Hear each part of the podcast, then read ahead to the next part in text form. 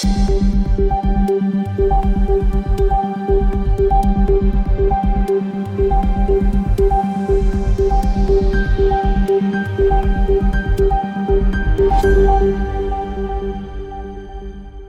nyttår, alle sammen, og velkommen tilbake til Krimnytt.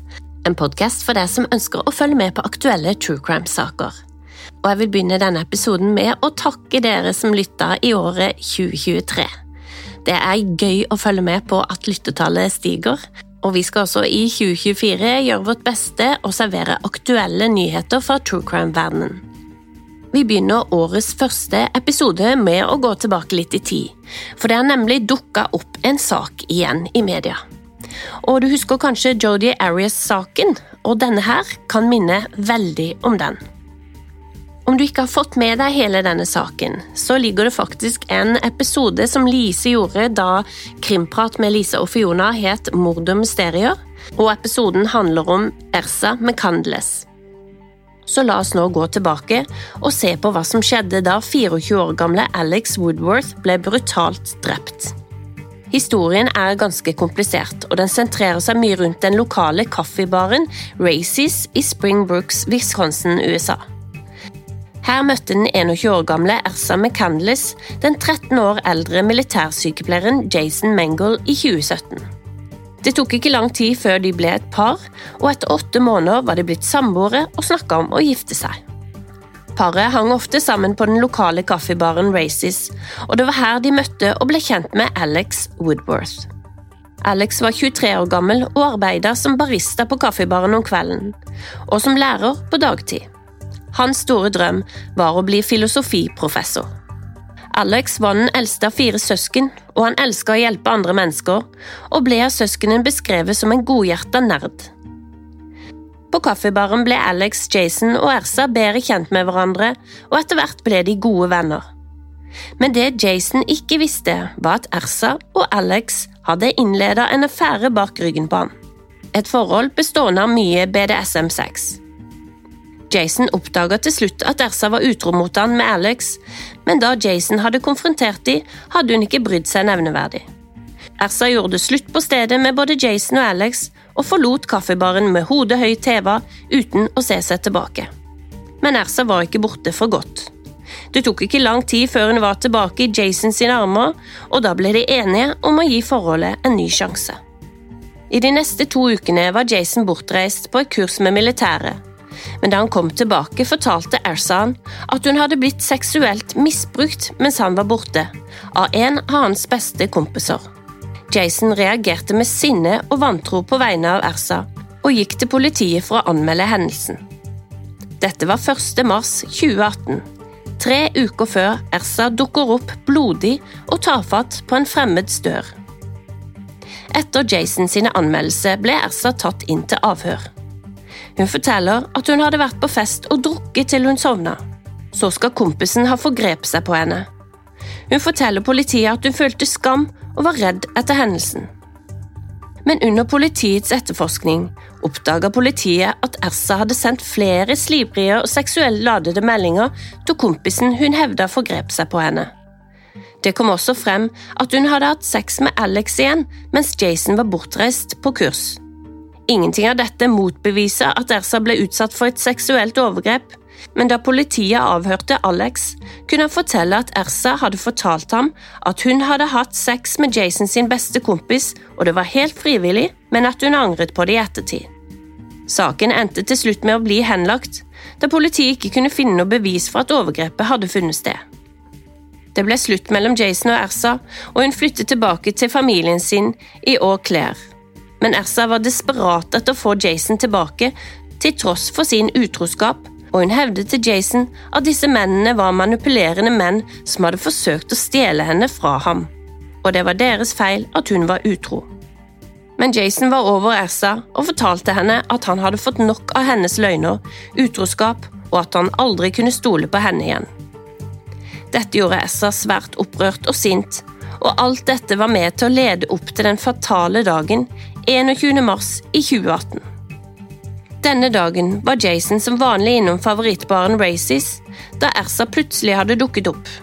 De hadde snakket litt sammen på tekstmelding om kvelden før, men Jason hadde ingen anelse om at hun hadde tenkt å komme til byen dagen etter.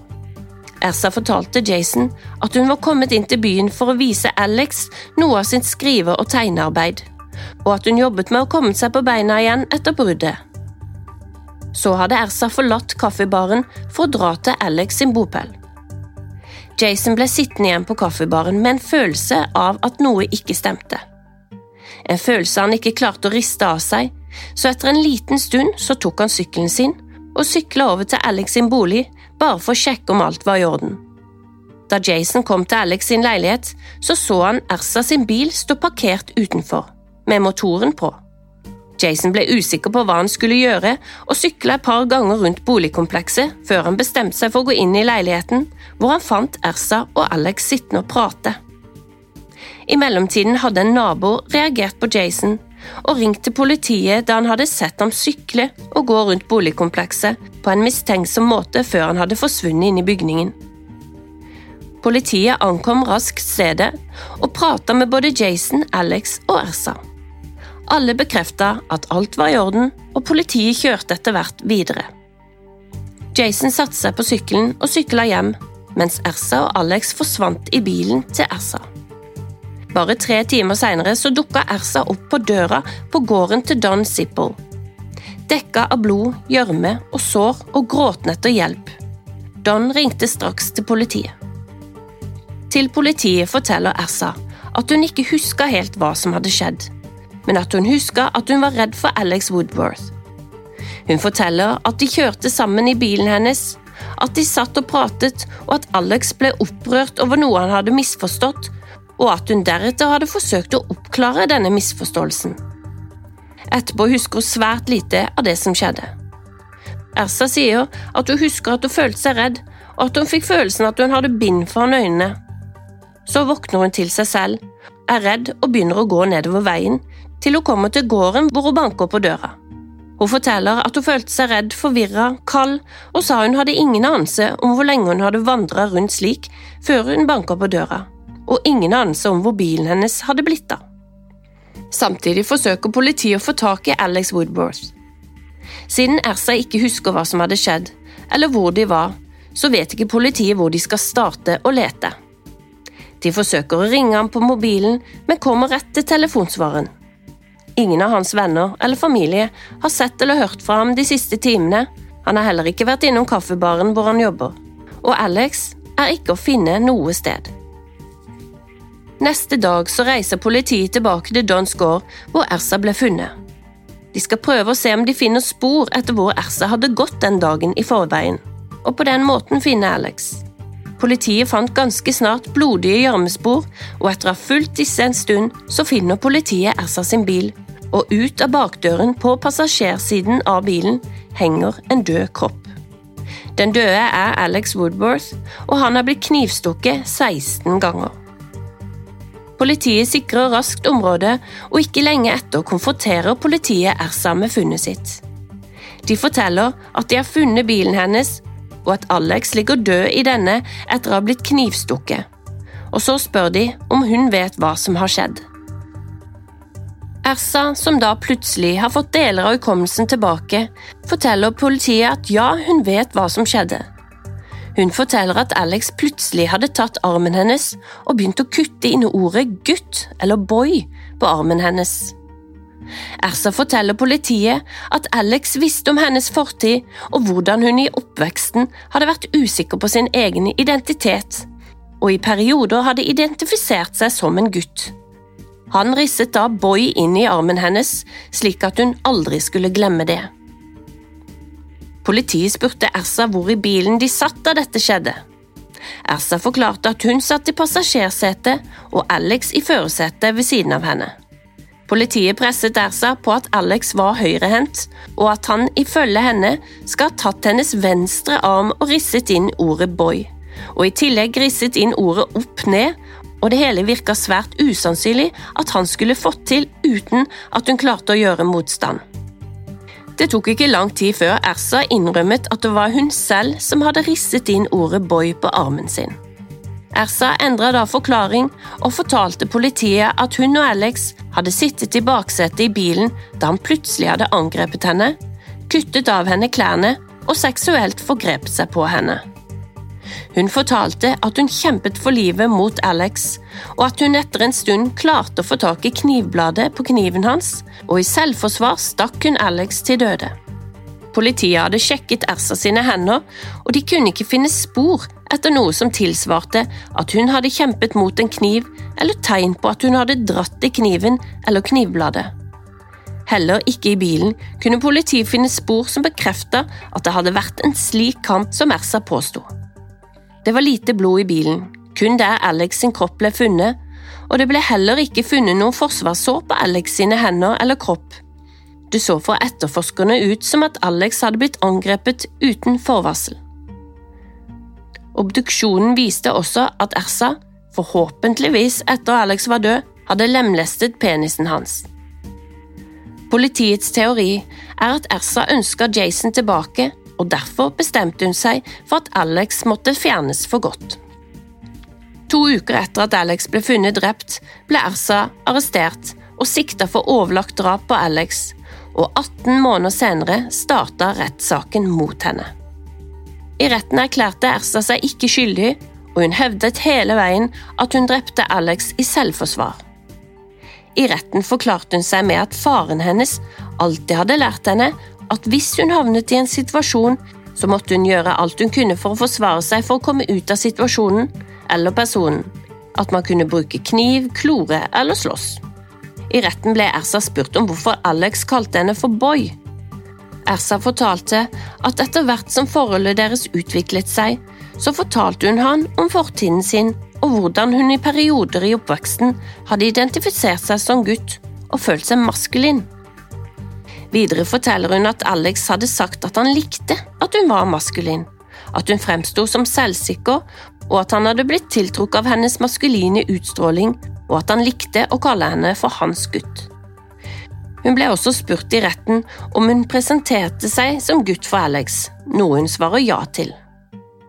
Hun ble også spurt hva hun følte om at han kalte henne for gutten sin, og sier at etter hvert føltes det som han ble eiersyk overfor henne ved å kalle henne for sin gutt.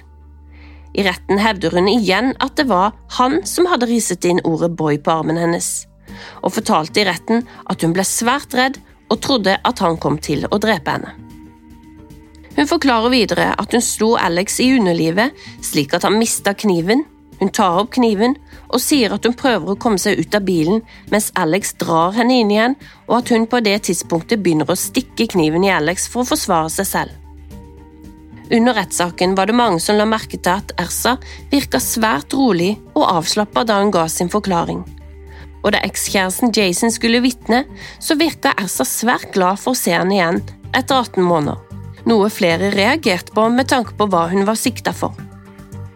Jason derimot virka ikke like begeistra for å se Ersa, og avga rolig sin forklaring om hva som skjedde den dagen han sykla opp til Ersa og Alex, bare timer før hun drepte han. Så var det til slutt juryen som skulle dømme om Ersa var kaldblodig morder eller en kvinne som drepte i selvforsvar. Og juryens dom var klar. De fant Ersa skyldig i forsettlig drap, som betyr at hun med viten og vilje tok Alex sitt liv. Da straffen for dommen skulle gis noen måneder senere, så var det en kortklipt Ersa med guttesveis som dukka opp i retten. Ersa fikk si noen ord til dommerne, og med tårevåt stemme forteller hun om hvor trist det var at Alex var død, for hans foreldre, familie og venner, og hvordan hun elsket han og savnet han, og at hun var lei seg for det som skjedde. Men dommeren legger til at hun drepte Alex med overlegg, og at det var en planlagt handling, og i februar 2022 så ble Ersa dømt til livstid i fengsel med en minstetid på 50 år før hun kan søke om prøveløslatelse. Og da vil Ersa være over 70 år gammel. Men, kjære lyttere, som Jodi Arias så er ikke Ersa en person som godtar denne dommen. Ersa McCandless, nå 26, ber om en anke til delstatens ankerdomstol etter at en dommer i Dunn County kunngjorde at hun ikke ville bli innvilga en ny rettssak for drapet på Alex Woodworth. Anken ble sendt inn til Wisconsins ankerdomstol av McCandless forsvarsteam. I tillegg til en ny rettssak ønsker de at politiet som avhørte henne, skulle utelukkes fra eventuelle fremtidige rettsprosesser. McCandless forsvarer hevder at klientens rettigheter ble krenka, og at hun fortjener en ny rettssak fordi politiavhørene ble gjennomført ulovlig og aldri burde blitt tillatt som bevis. Da hun først ba om en ny rettssak, argumenterte McCandless for at juryen ikke fikk høre hele hennes historie, som inkluderte en historie med seksuelt misbruk. Advokaten hennes hevda også at delstaten redigerte ufordelaktig et dagbokinnlegg skrevet av Woodworth som indikerte at han hadde gjort uønska seksuell kontakt med McCandless. Dommeren konkluderte til slutt med at Forsvaret ikke hadde tilstrekkelig bevis for å få en helt ny rettssak. Og dermed så må Ersa McCandless fortsette soningen. Dette var en lang sak, så det ble den saken vi hadde denne uka. Vi er nå tilbake igjen hver tirsdag med nye aktuelle saker, eller eldre saker som det nå er en ny oppdatering i. Dere kan besøke Krimprat med Lise og Fiona, der vi nå har en serie om Torgersen-saken. Og i den podkasten finner dere lengre episoder. Besøk gjerne Krimnytt på Instagram, og vi høres igjen neste tirsdag.